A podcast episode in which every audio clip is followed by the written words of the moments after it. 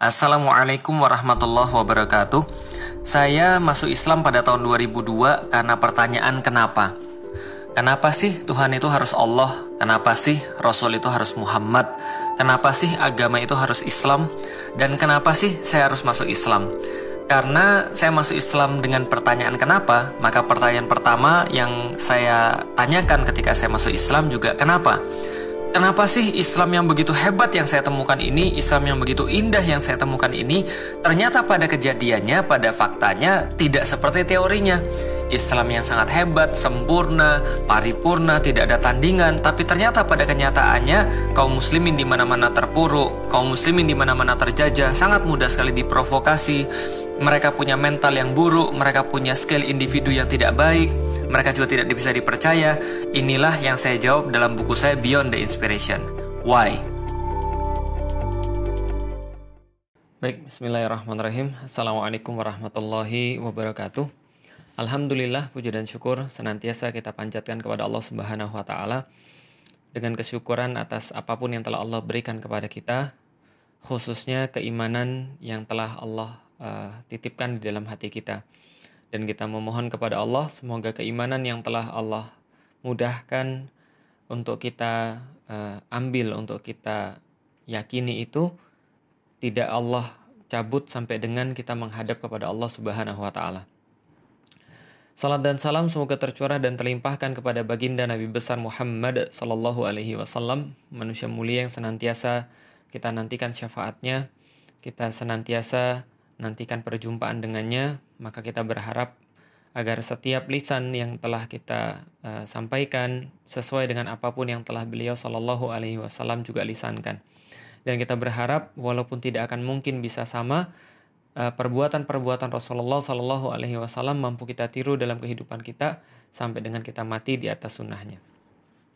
Alhamdulillah teman-teman sekalian yang dirahmati Allah. Uh, sebelumnya saya harus disclaimer dulu mungkin teman-teman harus eh, siap-siap uh, untuk uh, manteng, harus siap-siap untuk perhatian, fokus karena mungkin yang kita uh, lakukan sekarang ini tidak sama dengan ngaji jomblo yang sebelumnya atau tentang bedah buku wanita berkarir surga. Tapi saya ingin coba untuk masuk lebih ke dalam untuk masalah pemikiran. Dan dengan membahas ini saya menginginkan agar tiap tiap uh, muslim juga termasuk teman-teman sekalian. Ini setidaknya mendapatkan wawasan yang lebih besar tentang bagaimana proses keimanan di dalam Islam. Yang berarti kita juga membahas tentang proses orang itu bisa menjadi tidak beriman. Karena e, berita akhir-akhir ini membuat e, saya secara pribadi e, ya lebih bertanggung jawab untuk menjelaskan permasalahan-permasalahan ini bukan karena saya berilmu atau lebih berilmu, bukan, tapi sebab saya sudah pernah mengalami, sebab saya sudah menjadi bagian daripada hal-hal yang kejadian-kejadian baru-baru ini. Uh, yang pertama kejadian tentang pernyataan bahwa agama adalah konspirasi, tentang Tuhan adalah konspirasi. Kejadian yang kedua pagi ini baru saya juga dapat beritanya tentang ada orang yang kembali murtad setelah beriman.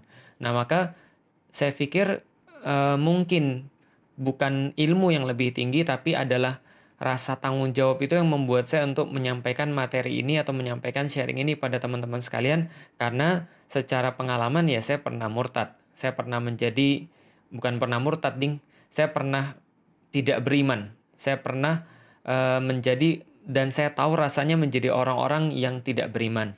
Yang kedua, saya juga pernah untuk menjadi seorang ateis.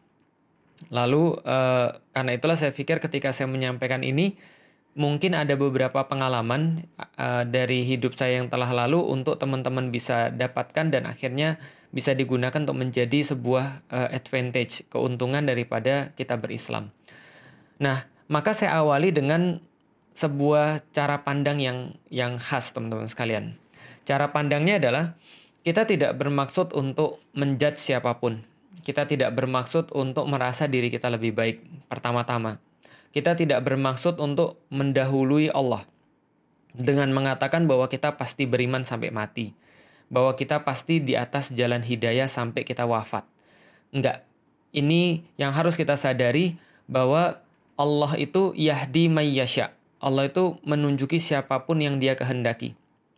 Wa yudillu mang tasya. Dan dia, dia juga dan engkau juga kita berdoa bahwa Allah itu uh, bisa jadi menyesatkan kepada siapa pun yang dia kehendaki. Karena memang manusia itu sudah ingin menyesatkan dirinya sendiri. Artinya kalau kita berbicara tentang keimanan dan kekufuran, maka kita tidak di sini kita tidak menjudge orang-orang yang memilih dengan pilihan apa pun karena itu adalah wilayah hukum fikih. Kita hanya membahas tentang bagaimana caranya kita bisa mempro memproduktifkan iman kita atau membuat diri kita ini setidaknya kita jaga agar keimanan ini tetap ada di dalam dada kita. Nah, itu adalah yang awal. Yang berikutnya, ada dua ranah senantiasa yang bisa dibahas di dalam Islam. Ranah yang pertama adalah ranah yang bersifat ranah goib atau ranah tawakal. Yang kedua adalah ranah yang bersifat nyata ranah yang bersifat terlihat, ranah yang bersifat bisa dimengerti dengan indera.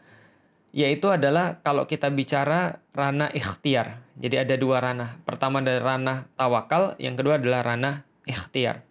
Yang kita sedang mau bahas di sini bukan ranah tawakal, tapi ranah ikhtiar. Maksudnya gimana? Contoh.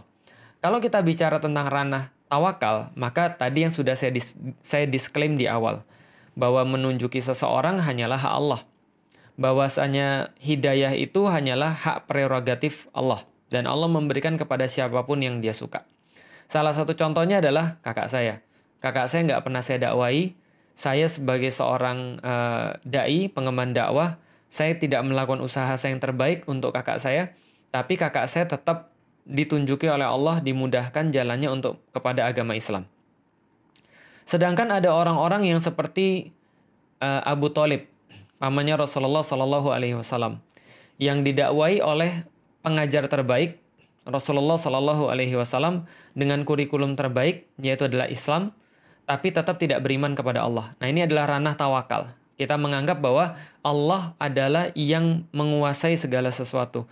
Maka ketika Allah katakan innaka la tahdi man ahbabta walakinallaha yahdi man yasha wa huwa a'lamu bil muhtadin. Allah katakan bahwa sesungguhnya kalian tidak bisa menjadi orang-orang yang menghantarkan hidayah uh, atau memberikan hidayah, akan tetapi Allah lah yang memberikan hidayah itu, sedangkan Allah lebih tahu tentang siapa yang layak memberi uh, siapa yang layak untuk diberikan hidayah.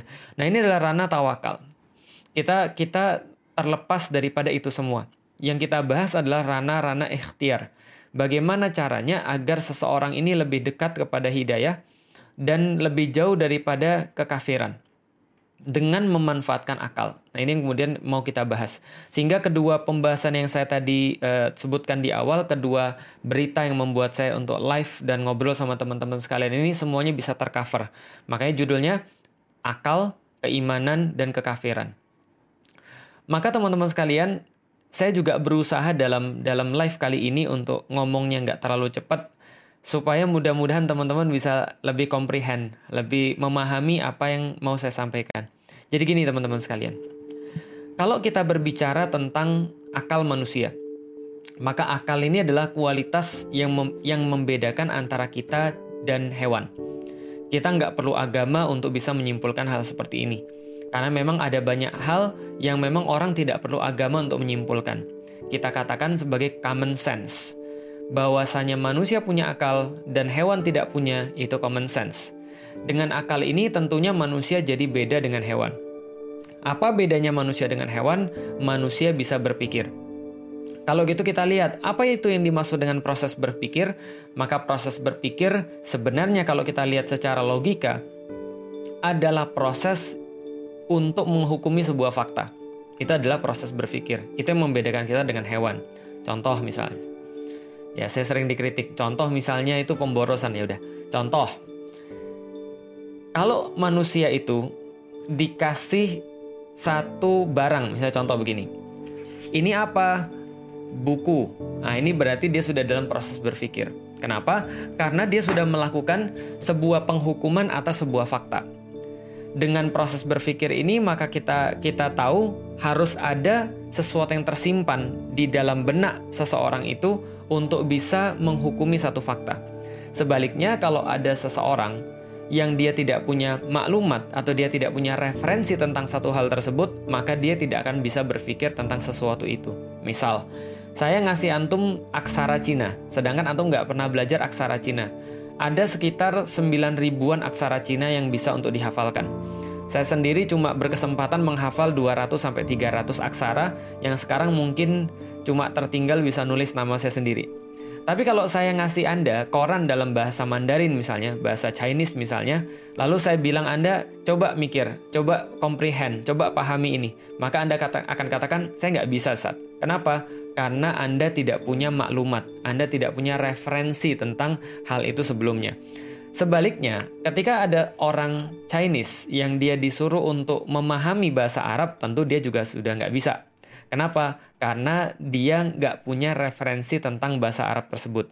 Jadi berpikir adalah sebuah kualitas yang ada pada manusia untuk bisa menghukumi sebuah fakta.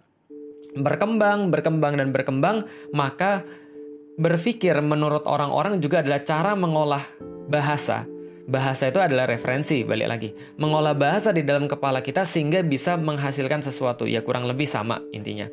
Nah, dan berpikir inilah yang akhirnya bisa membuat manusia itu menyadari sesuatu yang tidak disadari oleh hewan sehingga kualitas hidupnya harusnya lebih daripada hewan. Dan ternyata memang begitu. Yang namanya hewan itu nggak nggak pernah berkembang, nggak pernah kreatif. Namanya kucing ya kucing, Kucing itu ya lahir, main-main, lari-lari, uh, loncat-loncat, makan, main-main lagi, lari-lari, loncat-loncat, makan lagi, main-main, lari-lari, loncat-loncat, makan lagi sampai gede, lalu kemudian setelah gede dia kawin. Setelah dia kawin, dia beranak. Setelah beranak, dia punya anak. Anaknya gimana? Anaknya gitu lagi. Anaknya nggak bakal berkembang. Anaknya nggak akan bakal buat World Wide Web. Anaknya nggak bakal buat fintech.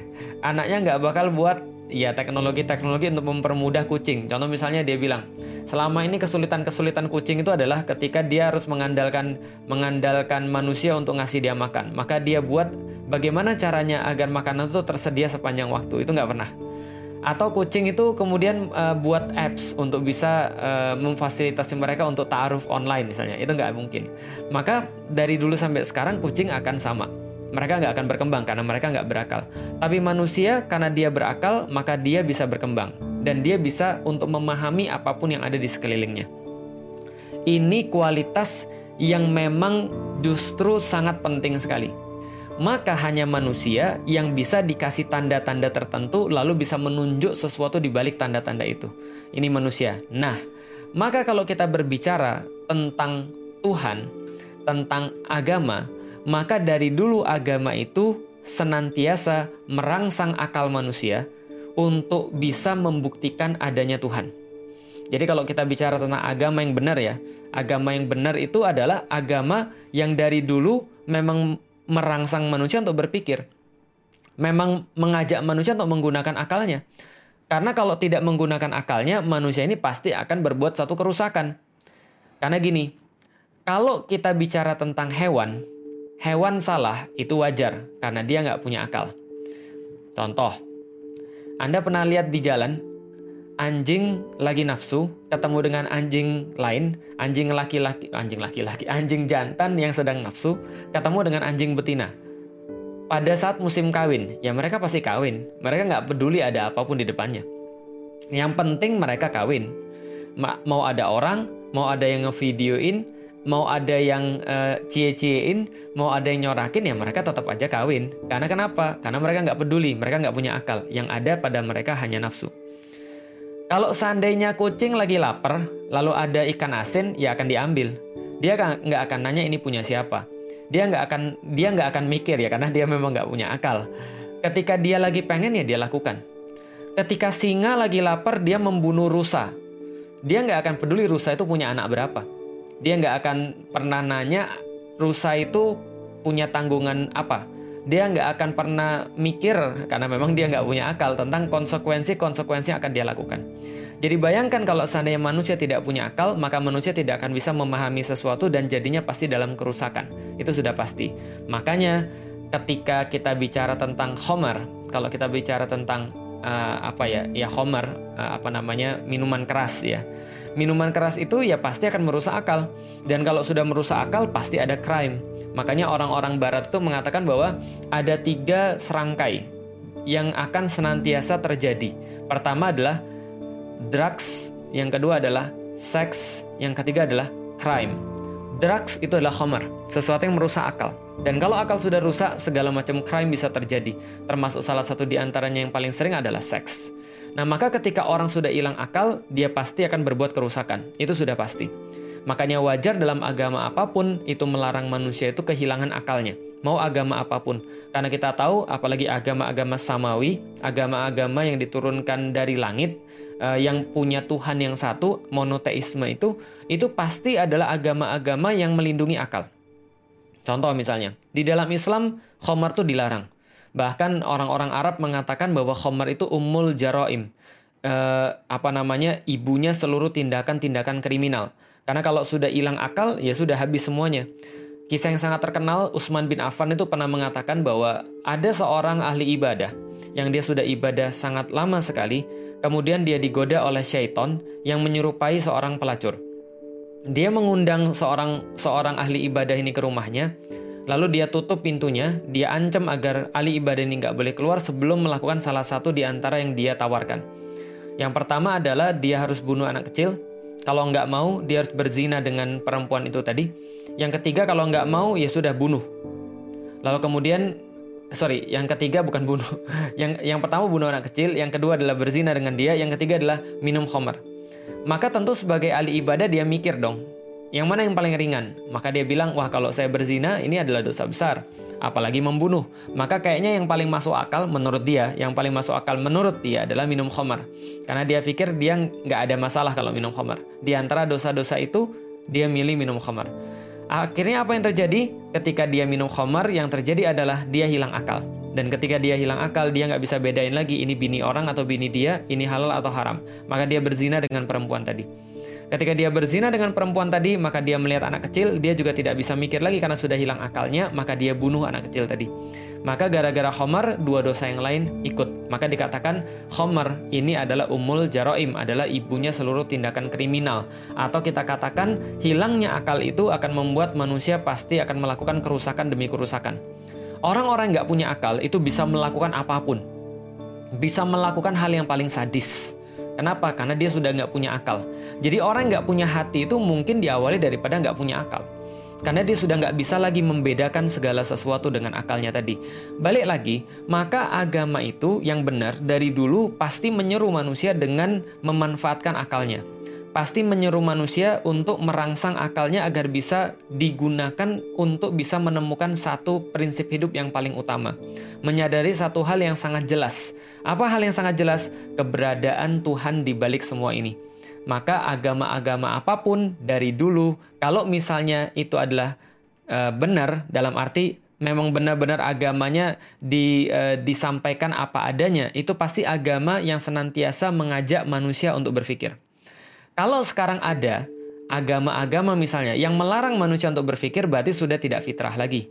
Bukan agama yang original lagi. Kenapa? Karena kalau kita tahu dan kita baca sejarah, seluruh agama itu pasti ngajak manusia untuk berpikir karena berpikir itulah yang membedakan antara manusia dan hewan. Maka manusia suruh mikir, hewan nggak pernah disuruh mikir karena memang nggak bisa. Maka hewan tidak perlu untuk berpikir agar dia bisa menyembah Allah Subhanahu wa taala mereka bertasbih senantiasa.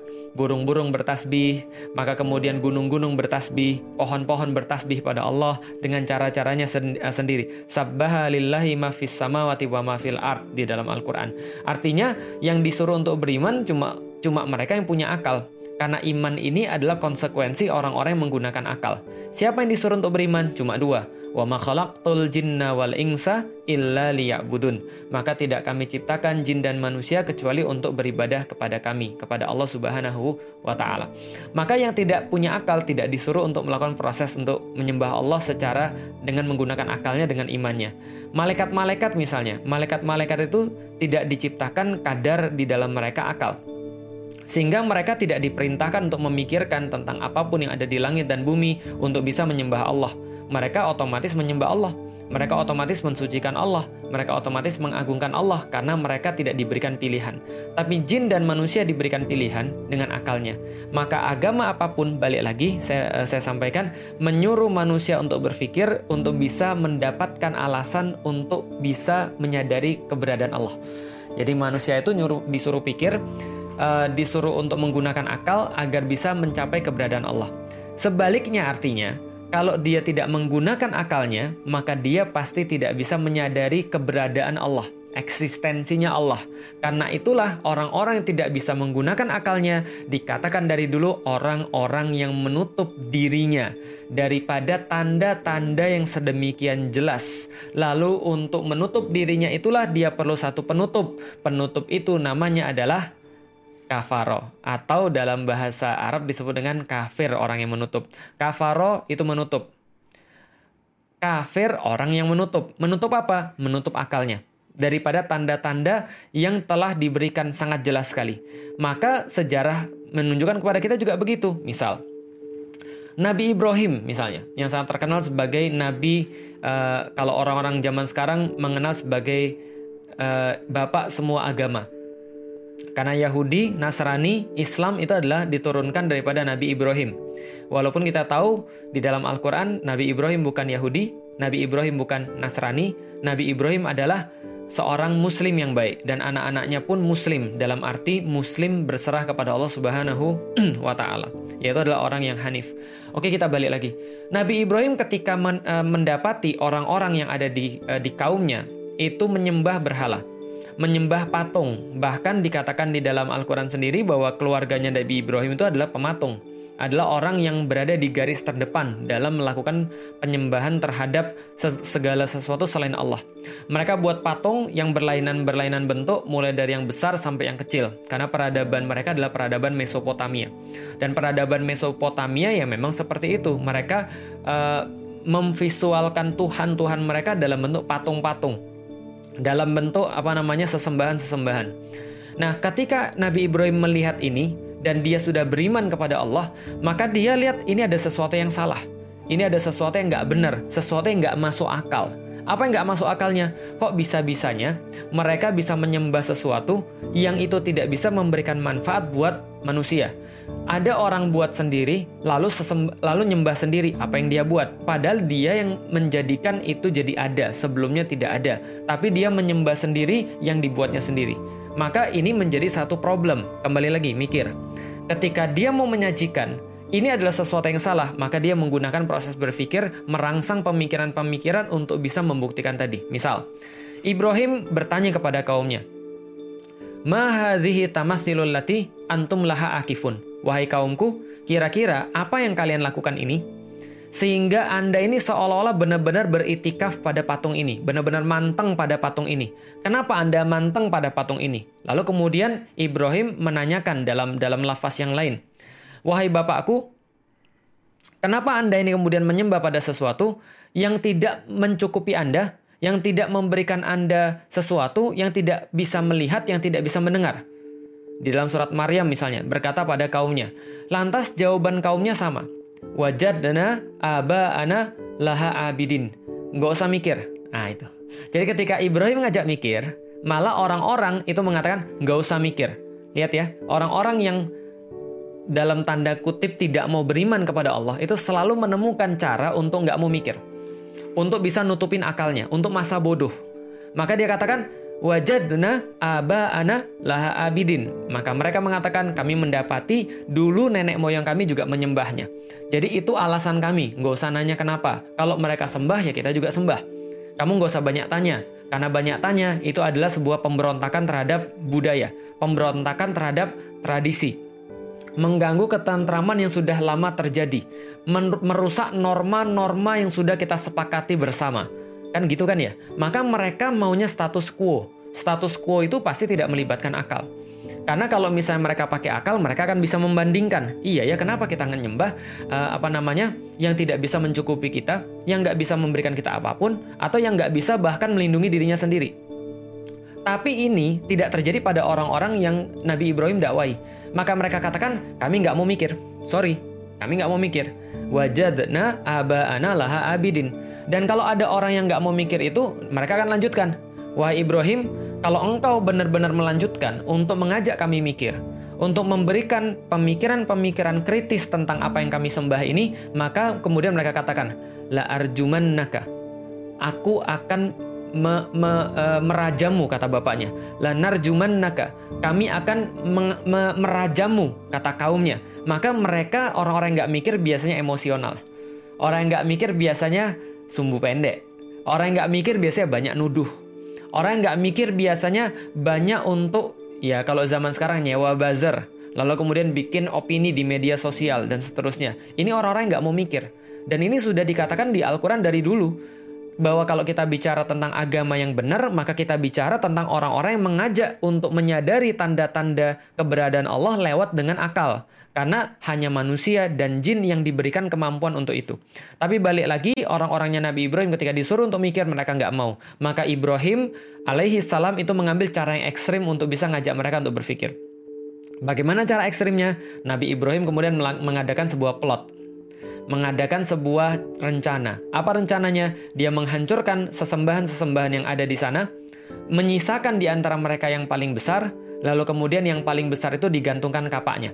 Maka hebohlah seluruh negeri pada esok harinya, pada waktu waktu ke depannya, lalu kemudian mereka mengatakan siapa yang ngancurin sesembahan-sesembahan kita. Jadi bayangin status quo status quo itu tiba-tiba hilang semua Jadi yang sudah mereka percaya turun temurun tuh tiba-tiba lenyap semua. Yang mereka yakini sebagai Tuhan tuh tiba-tiba hancur berantakan semua. Dan mereka nggak tahu siapa yang berbuat. Sampai ada yang bilang, itu kayaknya Ibrahim itu. Memang dari dulu dia vokal banget. Memang dari dulu dia anti banget sama sesembahan-sesembahan kita. Memang dari dulu dia tuh selalu uh, selalu nyinyir sama sesembahan-sesembahan kita. Maka dipanggillah Ibrahim. Diskusi antara Ibrahim dan Namrud kemudian dan orang-orang yang ada di situ akhirnya menjadi sebuah uh, apa ya, sebuah savage bagi Nabi Ibrahim gitu kan ya. Jadi Nabi Ibrahim membuat satu argumen yang itu benar-benar mind blowing Uh, ketika ditanyakan kamu yang uh, yang mukul uh, sorry kamu yang ngancurin patung-patung tadi? Maka Ibrahim bilang ya kalian harusnya nanya sama yang bawa kapak dong jangan nanya sama saya. Saya kan bukan siapa-siapa. Ya tanyalah sama dia. Secara secara kriminal itu harusnya ketika yang ditanya itu pertama yang punya barang bukti barang buktinya ada di dia. Yang kedua adalah yang punya motif. Dan saya lihat itu motifnya ada di dia. Kenapa? Karena dia ngelihat yang lain yang kecil-kecil dia sembah. Mungkin dia merasa cemburu maka dia ngancurin yang lain. Jadi dia punya motif kriminal. Yang ketiga adalah dia ada di tempat kejadian karena itu dia adalah saksinya gitu kan. Dia adalah saksi mata gitu.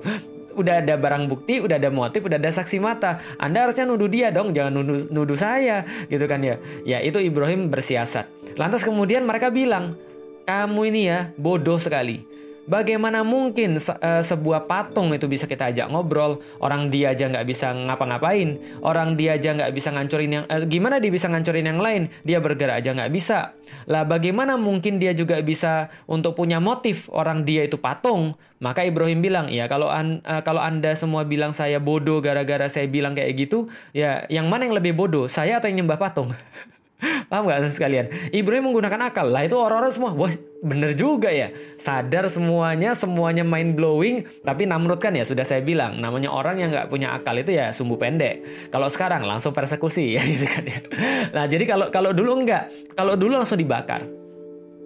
Langsung dibakar. Kenapa? Ya karena sudah nggak punya argumen lagi langsung dibakar. Maka ketika dibakar itulah ya terjadi mujizat yang lain. Nah, ini pelajarannya apa? Pelajaran yang pertama adalah uh, tidak semua itu harus dimenangkan lewat diskusi. Karena kalau Anda menang diskusi, lantas Anda belum memenangkan hati orang, Anda bisa jadi dipersekusi atau Anda bisa jadi dibakar. nah, jadi artinya adalah walaupun uh, kita itu benar, walaupun kita itu bisa menghadirkan eh, argumen-argumen uh, yang yang uh, savage, argumen-argumen pamungkas, ya tapi belum tentu kebenaran bisa untuk dihantarkan. Tapi yang jelas adalah ini kemenangan dakwah, yaitu adalah kemenangan akal ketika akal ini bisa untuk difungsikan, akal ini bisa untuk dirangsang dengan cara yang benar, maka itu menjadi jalan keimanan bagi orang-orang yang menyaksikan Nabi Ibrahim dibakar dan mereka semuanya kebuka akalnya untuk tidak menyembah patung.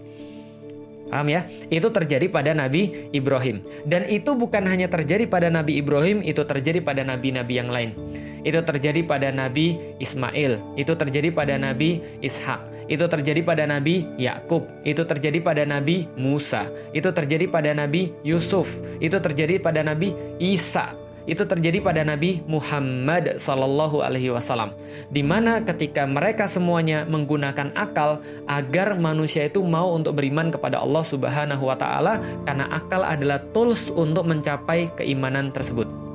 Oke teman-teman sekalian, jadi apa kesimpulannya? Kesimpulannya adalah para nabi dan rasul itu senantiasa ngajak manusia untuk berpikir senantiasa ngajak manusia untuk bisa menggunakan akalnya. Karena inilah cara agar manusia itu bisa beriman kepada Allah dengan keimanan yang sempurna. Karena kalau seandainya nabi-nabi cuma menggunakan perasaan saja untuk bisa beriman kepada Allah, maka perasaan ini mudah berubah. Perasaan ini nggak nggak tetap. Namanya juga perasaan. Sedangkan Allah katakan uh, di dalam uh, maaf Rasulullah mengajarkan kepada kita ya libal kulub sabit kolbi ala dinik Ya wahai yang membolak-balikkan hati, muqallibal qulub. Kata-kata membolak-balik dengan kata-kata kolbu atau hati itu sama, artinya terbolak-balik. Artinya nggak nggak nggak nggak stabil. Artinya sesuatu yang mudah sekali untuk bisa berubah.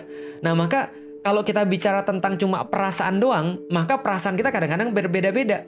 Contoh misalnya, kalau ada orang lagi jatuh cinta dan cintanya diterima, lagu apa pun jadi bagus saya tuh pas saya tuh kan nggak suka dangdut ya. Tapi kalau pas lagi cinta saya diterima itu dangdut tuh mendadak jadi bisa dinikmati gitu ya tapi kalau seandainya dia lagi putus gitu kan ya atau lagi kemudian cintanya ditolak dan ketika kemudian dia dengar lagu apa pun yang bagus itu jadinya nggak bagus gitu ya. Jadi lagu sedih. Padahal lagu cinta, lagu lagu happy, tapi jadi lagu sedih.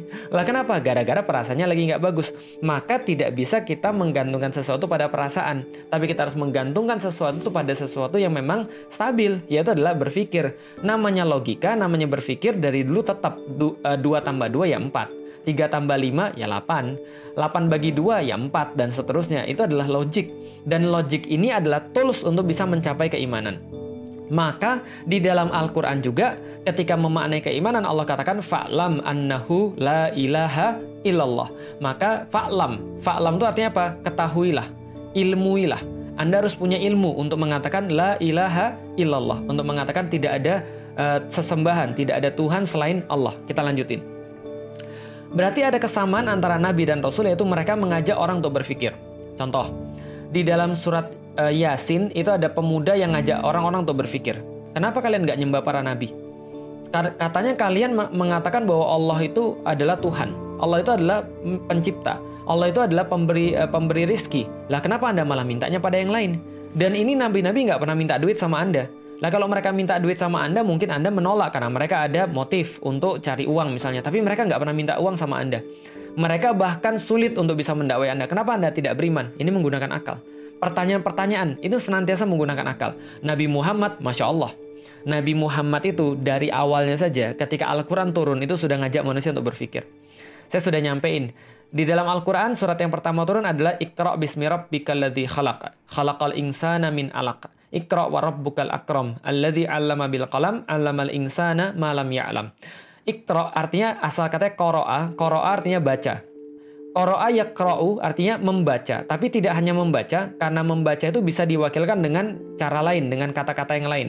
Tapi Iqra ini lebih kepada baca yang bersifat teliti, baca yang bersifat menganalisis, baca yang bersifat menghitung-hitung, baca yang bersifat menelaah, baca yang bersifat reading itu adalah maksudnya coba kamu benar-benar pantengin. Itu maksudnya adalah ikra. Maka kata-kata ikra ini menjadi Quranan. Quran artinya adalah sesuatu yang bukan hanya dibaca tapi dimengerti, dipahami, dianalisis, lalu kemudian diturunkan, lalu kemudian dihitung-hitung, lalu kemudian ditelaah, ya segala macamnya itu terkandung terkandung dalam ikra. Ikra bismi rabbikal ladzi khalaq. Ikra bi ismi rabbika Ismi Rabbika diartikan dengan namamu, tapi ismi dalam bahasa Arab juga tanda-tanda. Misal, Felix itu tandanya apa? Ya disifati dengan F E L I X. Sipit, putih, ganteng katanya. Berarti itu ada ismi saya, ismi. Maka ketika ada orang Arab bertanya, "Man ismuk?" atau uh, apa namanya? "Ma ismuk?" sorry. Siapa namamu? Artinya dia ingin bertanya kamu tuh ditandai dengan apa? Saya berkata, Ismi Felix. Nama saya Felix. Saya ditandai dengan kata-kata F E L I X. Berarti besok kalau dia katakan Felix, saya merasa saya punya tanda-tanda untuk dipanggil. Nah, Iqra bismi rabbikal ladzi khalaq, bacalah dengan tanda-tanda yang Tuhanmu berikan. Yang Tuhanmu telah ciptakan di depan kamu, yang dibentangkan kepadamu. Iqra bismi rabbikal ladzi khalaq, khalaqal insana min alaq. Anda tahu dia telah menciptakan manusia daripada alak? Alak itu apa? Dan itu tidak biasa orang-orang Arab mendengarkan kata alak. Karena alak adalah sejenis lintah, sejenis penghisap darah.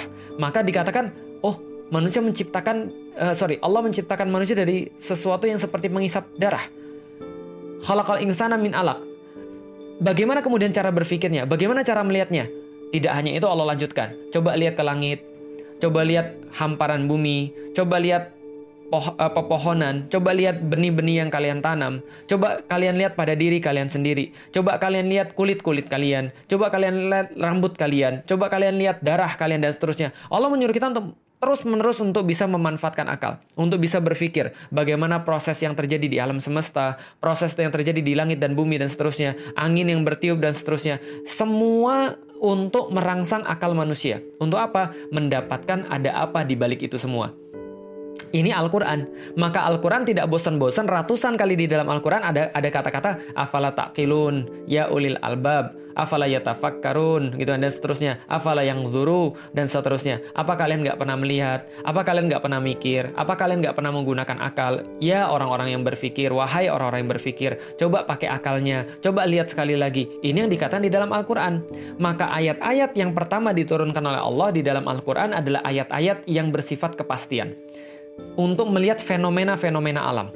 Mereka mungkin bisa menafikan siapa yang menurunkan Al-Quran. Mereka mungkin bisa menafikan kebenaran Al-Quran, tapi mereka tidak bisa menafikan fenomena-fenomena yang disampaikan di dalam Al-Quran. Allah sampaikan, coba lihat manusia.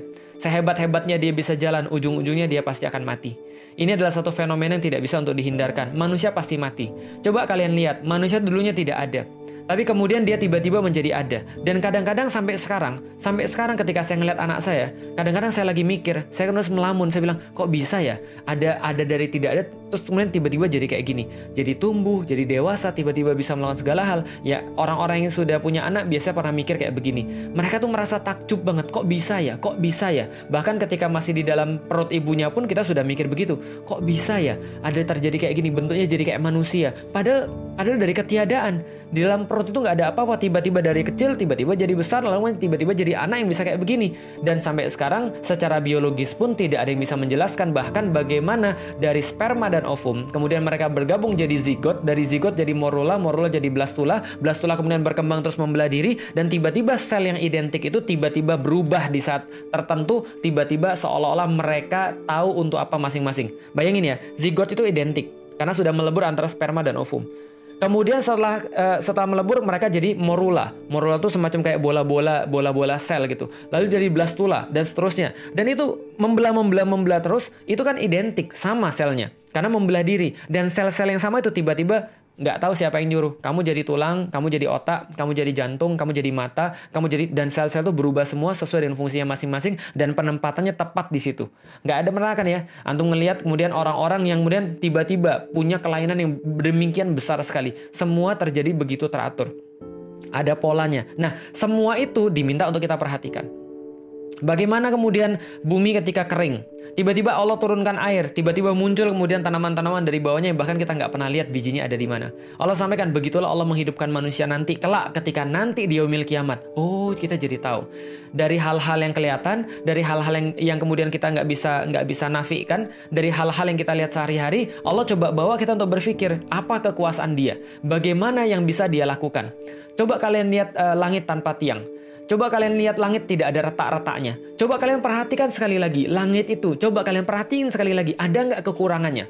Kalau seandainya langit yang sedemikian besar itu saja bisa Allah ciptakan, bisa Allah tinggikan, maka Allah bilang penciptaan siapa yang lebih susah? Kalian atau langit? Kalian atau bumi? Kalian atau segala sesuatu alam semesta yang kalian lihat? Dan kalau kalian merasa hebat, kalian tahu nggak sudah berlalu sebelum kalian orang-orang yang hebat yang yang mereka semua harus tunduk mengakui kehebatan satu zat yang lebih tinggi daripada mereka. Kalian coba jalan-jalan lah. Kalau nggak percaya, lihat bagaimana kaum-kaum dulu lebih hebat daripada kalian dan mereka semua ambruk di hadapan kekuasaan yang maha hebat itu. Maka Allah mengantarkan kepada kita tanda-tanda yang suruh kita untuk mikir terus, suruh kita untuk menggunakan akal, suruh kita untuk kemudian untuk telaah, analisis, Sampai ketika seseorang tuh punya referensi-referensi ini yang dia perlukan, maka dia bisa beriman kepada Tuhannya dengan keimanan yang benar. Jadi apa yang menjadikan seseorang untuk beriman? Yang menjadikan seseorang untuk beriman adalah ketika dia sudah punya pemikiran yang cukup untuk mengantarkan dirinya pada iman. Kalau saya sederhanakan, maka ada dua hal yang mengantarkan orang untuk beriman. Iman adalah akumulasi dari dua. Satu, ilmu. Dua, bukti.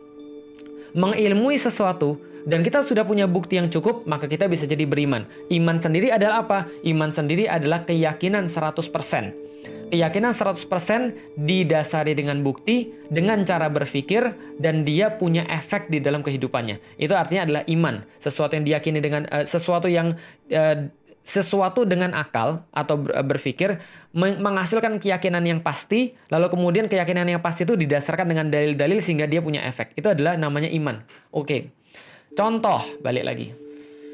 Kan kalau nggak ada contoh kan sulit ya. Contoh, lihat iman kepada Allah itu bisa untuk dianalogikan dengan seseorang ketika mengimani dokter. Misal, pernah lihat orang pergi ke dokter? Pernah. Atau Anda dokter mungkin iya. Pernah nggak ada orang ketika datang ke dokter itu tidak mau nurutin dokter? Hampir nggak. Dokter dia datang kepada dokter. Lalu dokter bilang, oke, okay, anda sakit apa? Ini dok, saya ini sudah tiga, uh, tiga tahun dok. Sakit dok apa? Sakit hati. Oh, langsung diusir sama dokternya. Saya sudah, saya sudah tiga tahun dok. Ini sakit di dada saya dok. Dan saya nggak tahu nih sakitnya kenapa. Kalau saya nafas ini sakit banget dok pokoknya. Oke, dokter bilang buka baju. Buka baju nggak? Buka baju. Duduk, duduk. Guling, guling. Buka mata, buka mata. Jangan menjem, jangan menjem Julurkan lidah, julurkan lidah. Saya mau masukin termometer, masukin termometer. Nggak ada orang yang pernah protes sama dokter. Kenapa? Karena orang tuh udah yakin banget sama dokter. Nggak pernah ada kan ya?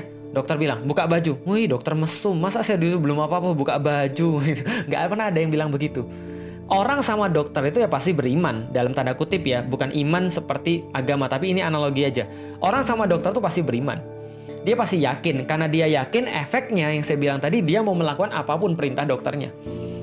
Tidak dikatakan bahwa keyakinan pada dokter itu adalah sebuah konspirasi. Ya nggak bisa gitu. Nah kenapa? Karena keyakinannya dia pada dokter, iman dia didasarkan pada sesuatu hasil berpikir. Apa hasil berpikir? Apa ilmu? Apa bukti? Sehingga dia bisa menjadi iman kepada, kepada dokter tadi. Lihat, orang bisa tahu dokter itu dari tanda-tandanya. Dari bismi, ya, biismi, dengan tanda-tanda kedokteran. Contoh misalnya, Anda masuk ke ruangan dokter, ruangannya berwarna putih, baunya khas desinfektan, lalu kemudian ruangannya rapi, ruangannya bersih.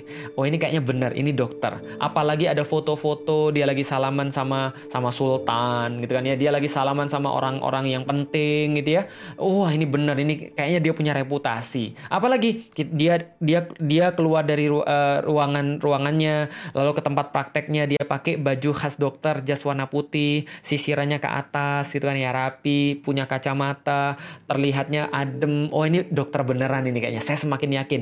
Maka dia semakin yakin karena ada tanda-tanda yang menyebabkan akalnya itu bisa mengkomprehend, memahami bahwa ini memang benar-benar dokter. Apalagi di situ biasanya ada pajangan yang paling penting, surat izin praktek, gitu kan ya. Sudah ada surat izin praktek, berarti ini dokter beneran. Akan beda ceritanya apabila akal Anda tidak menemukan tanda-tanda kedokteran itu maka Anda akan menolak untuk meyakini dan mengimani dokter tadi. Contoh, masuk ruangan dokter, ruangannya warna hitam, bau banget, pesing, dan ada bau menyan juga. Karena di situ ada menyan yang dibakar. Lalu kemudian di atasnya ada lampu disco yang kemudian uh, berkemarlap kerlap-kerlip itu dan dokternya keluar, dokternya gondrong, rambutnya kayak nggak pernah di uh, di di apa, tidak pernah disampoin, nggak pernah dikeramas dan giginya hitam, giginya bau ketika ngomong dan dia nyuruh Anda buka baju. Anda pasti langsung kabur. Anda pasti langsung langsung keluar Apalagi kalau dia ngasih resep, Anda nggak pernah akan makan. Tapi kalau resep ini dikasih sama dokter yang Anda bisa buktikan secara akal bahwa dia benar-benar dokter sehingga Anda yakin, maka Anda akan ngambil resep dia, Anda akan beli berapapun harganya, Anda akan ikuti perintah-perintahnya, Anda akan turuti apa maunya karena Anda yakin dia dokter. Apalagi sudah direkomendasikan sama teman Anda, eh kamu pergi ke tempat dokter ini deh, dia keren banget. Lah kenapa? Gue pas pergi ke sana, masya Allah, baru di pintunya aja sembuh gue Nah, misalnya contoh, ada referensi kayak gitu. Maka Anda semakin yakin karena akal Anda sudah comprehend. Anda, akal Anda sudah memahami. Maka orang bisa yakin kalau akalnya bisa menemukan ilmu dan bisa menemukan bukti terhadap sesuatu. Dan itu berlaku pada semua hal. Berlaku pada semua hal. Ketika Anda nggak meyakini seseorang, berarti Anda kurang bukti. Dan Anda kurang ilmu tentang dia. Tapi kalau Anda sudah mengenal dia, Anda sudah punya bukti-bukti sama uh, dari daripada orang yang lain, testimoni atau apa apa pun lah endorsement dan segala macam, Anda bisa meyakini. Maka ada dua hal yang sangat penting supaya orang tuh bisa trust sama Anda. Yang pertama adalah ilmu, yang kedua adalah bukti atau pengalaman-pengalaman yang sudah pernah kita jalani bersama bersama dia. Nah, balik lagi. Berarti kalau kita bicara tentang uh, tentang agama, orang itu baru bisa beriman pada sesu eh, sesuatu kalau dia sudah punya bukti, sudah punya ilmu. Dan itu yang terjadi juga dengan Allah Subhanahu wa taala. Maka Allah ketika di dalam awal-awalnya, ketika periode-periode makiyah yang Allah hadirkan apa? Yang Allah hadirkan adalah ngajak manusia untuk berpikir agar mereka mengilmui dan agar mereka mengumpulkan bukti agar Allah itu memang eksis. Bukan agar mereka tahu bahwa Allah itu memang eksis. Maka terhadap orang-orang yang kekeh yang kemudian ngotot mengatakan bahwa Tuhan itu konspirasi, Tuhan itu cuma akal-akalan manusia, Tuhan itu cuma menipu. Allah katakan, "Hatu burhanakum." Ya sudah, bawa bukti Anda kalau gitu. Dan hadirkan bukti Anda dan coba di uh, uh, di apa namanya? di uh, di coba dikompilasikan dan coba dikomparasikan dengan bukti-bukti yang Allah berikan. Kalau seandainya bukti Anda lebih bagus, bisa jadi Anda yang benar. Tapi kalau bukti Anda tidak cukup bagus, mau nggak Anda beriman kepada Allah? Ini yang terjadi pada saya. Ketika saya ketika saya melihat Islam, saya mencari tentang Islam, yang saya dapatin adalah kekalahan demi kekalahan intelektual. Kekalahan demi kekalahan logika saya.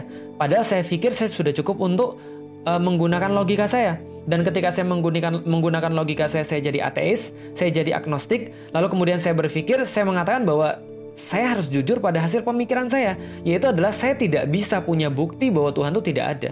Saya tidak pernah saya tidak pernah bisa membuktikan bahwa Tuhan ini cuma ide saja, konspirasi orang atau misalnya dikatakan bahwa ini cuma menipu manusia seperti teori saya.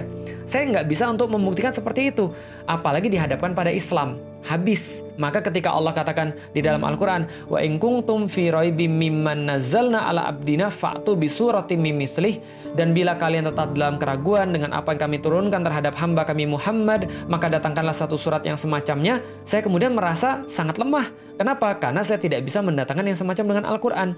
Begitupun juga dengan orang-orang Arab ketika ada Rasulullah Shallallahu Alaihi Wasallam. Mereka melihat Al-Quran berbahasa Arab, mereka sendiri berbahasa Arab, bahkan sangat expert dalam bahasa Arabnya, bahkan sangat tinggi dalam pemahaman syairnya, tapi mereka tunduk di hadapan Al-Quran walaupun mereka sangat membenci Rasulullah Muhammad. Mereka bisa menolak kebenaran Al-Quran, mereka bisa menolak kebaikan yang diperintahkan oleh Al-Quran, tapi mereka selamanya tidak pernah men, tidak pernah bisa untuk menafikan dan menolak keindahan Al-Quran dari segi gramatika, dari segi bahasanya. Ini yang menjadi kemudian tanda bagi saya yang kemudian membuat saya merasa overpowered. Ini ini terlalu hebat, ini terlalu keren. Maka kemudian dikatakan wad'u syuhada aku min dunillahi in kuntum shadiqin. Kalian bisa ajak pembantu-pembantu Anda, pembantu-pembantu kalian, mau manusia, mau bukan, tapi selain Allah in kuntum shadiqin. Kalau Anda memang termasuk orang yang benar fa'illam ta, taf'alu walan taf'alu. Dan kalau kalian tidak mampu dan gak bakal pernah mampu Allah katakan. Kenapa? Karena Allah tahu apa yang dia ciptakan, manusia. Dan Allah tahu batasnya manusia seperti apa. Maka dari situ Allah merangsang akal manusia. Eh, kalau kalian merasa hebat, datengin, yang, datengin aja yang semacamnya. Tapi kalau kalian gak bisa, harusnya kalian tunduk dong. Fair dong. Karena manusia itu punya akal untuk apa? Aku ciptain akal manusia, aku sudah tahu sampai di mana dia dan aku cuma menciptakan akal manusia supaya kalian bisa beriman kepadaku. Seolah-olah begitu. Jadi kalau ada orang yang mereka sampai sekarang tidak mau untuk beriman kepada Allah, bisa jadi mereka berpikir, tapi berpikir mereka belum sampai pada tahapan yang jujur. Maka coba lihat apa yang menghalangi Abu, Abu Lahab untuk beriman pada Rasulullah. Apa yang menghalangi menghalangi Abu Jahal untuk beriman pada Rasulullah? By the way, Abu Jahal itu itu adalah julukan yang diberikan oleh Rasulullah. Nama nama sebelumnya adalah Abu Hakam. Abul Hakam artinya adalah bapak yang bijaksana, bapak yang mikir, eh, bapak yang keren, cerdas. Tapi Rasul katakan dia bukan Abul Hakam. Dia bukan bapak yang cerdas, tapi dia bapaknya orang-orang bodoh karena dia bodoh, karena dia nggak menggunakan akal. Kok bisa begitu? Suatu waktu ada trio kuek-kueknya uh, orang-orang Quraisy, namanya Abu Lahab, sorry Abu Jahal, Abu Sufyan, dan Al-Akhnas bin Syarik. Tiga-tiganya ini datang ke tempat Rasulullah untuk mengawasi Rasulullah baca Quran. Mereka pengen tahu kekuatan Rasulullah itu apa. Malam-malam mereka mengendap-endap, mendengarkan Rasulullah membaca Quran, dan mereka stunning di situ, tidak bisa beranjak tiga-tiganya, dengerin Al-Quran sampai menjelang subuh. Pulang dengan sebuah kekecewaan, mereka bilang, jangan sekali lagi, eh, jangan sekali-kali lagi kita ke sini. Kita kalau ketahuan kita bakal bahaya, jangan ke sini besok. Ternyata apa terjadi? Besoknya mereka tanpa direncanakan, tanpa janjian, mereka tiga-tiganya ke situ lagi karena mereka kangen dengan keindahan Al-Quran.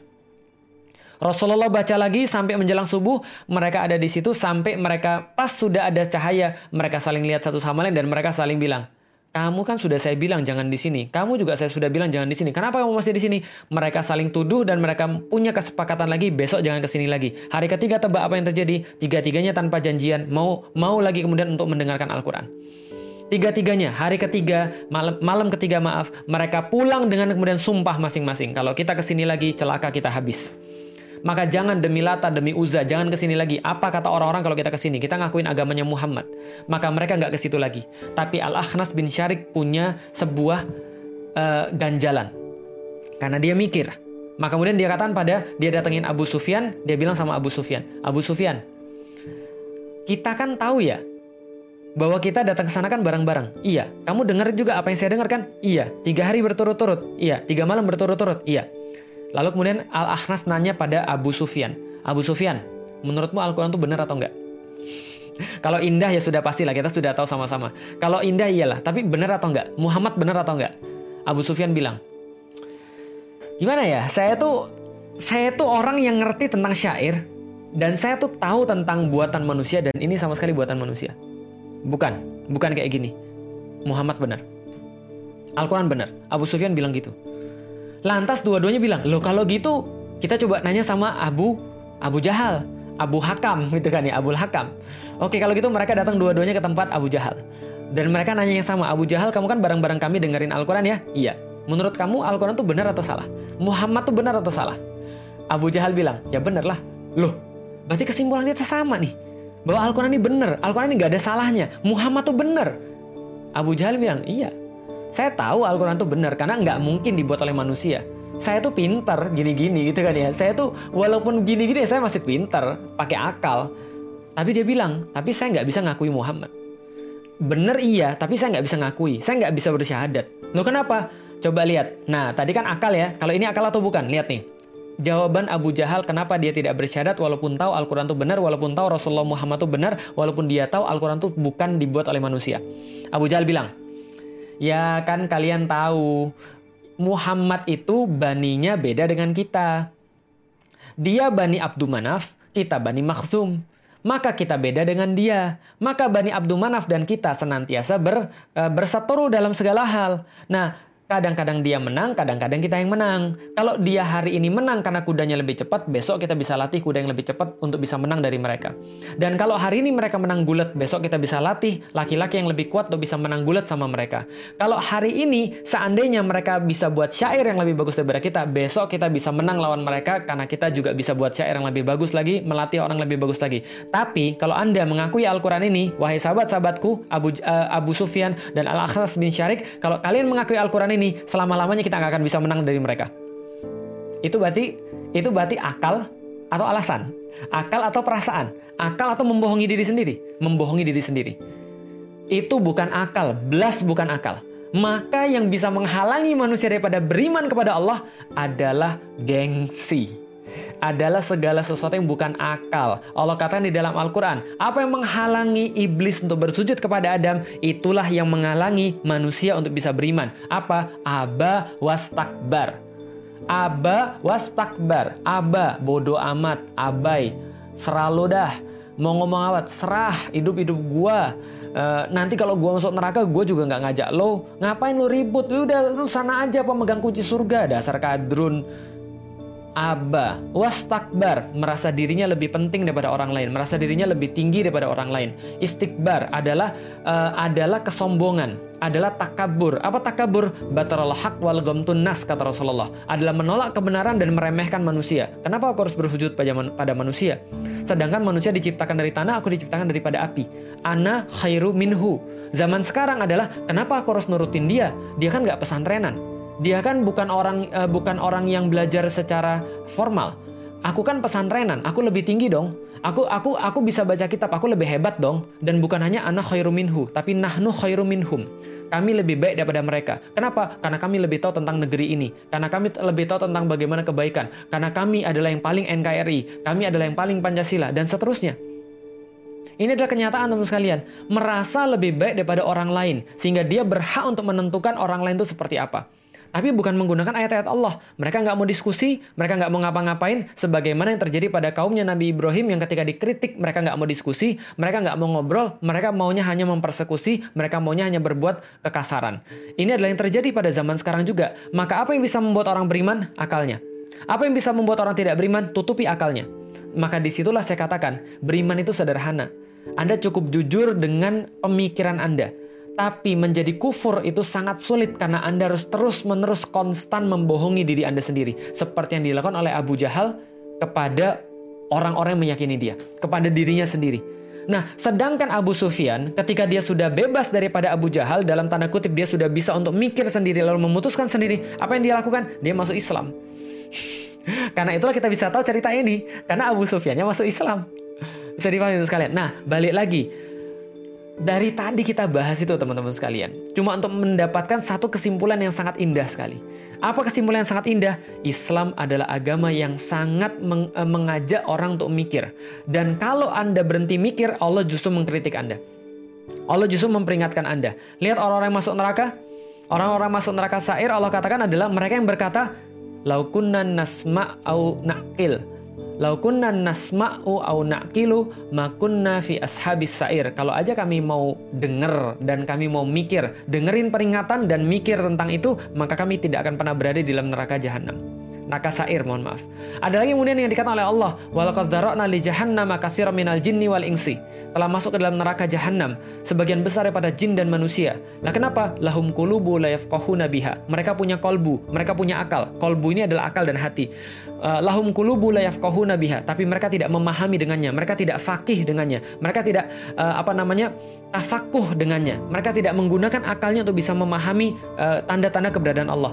Walahum a'yunun la yubsiruna biha mereka punya mata tapi tidak bisa melihat tanda-tanda keberadaan Allah. Walahum adanun la yasma'una biha dan mereka punya telinga tapi tidak mau digunakan untuk mendengarkan ayat-ayat keberadaan Allah. Ulaika kal an'am balhum adol. Mereka seperti binatang ternak yang tidak menggunakan akal. Balhum adol bahkan lebih rendah karena binatang ternak pun tidak pernah melakukan kemaksiatan-kemaksiatan, tidak pernah melakukan pembangkangan-pembangkangan, tidak pernah melakukan kesadisan-kesadisan yang bisa dilakukan oleh orang-orang yang sudah menutupi akalnya.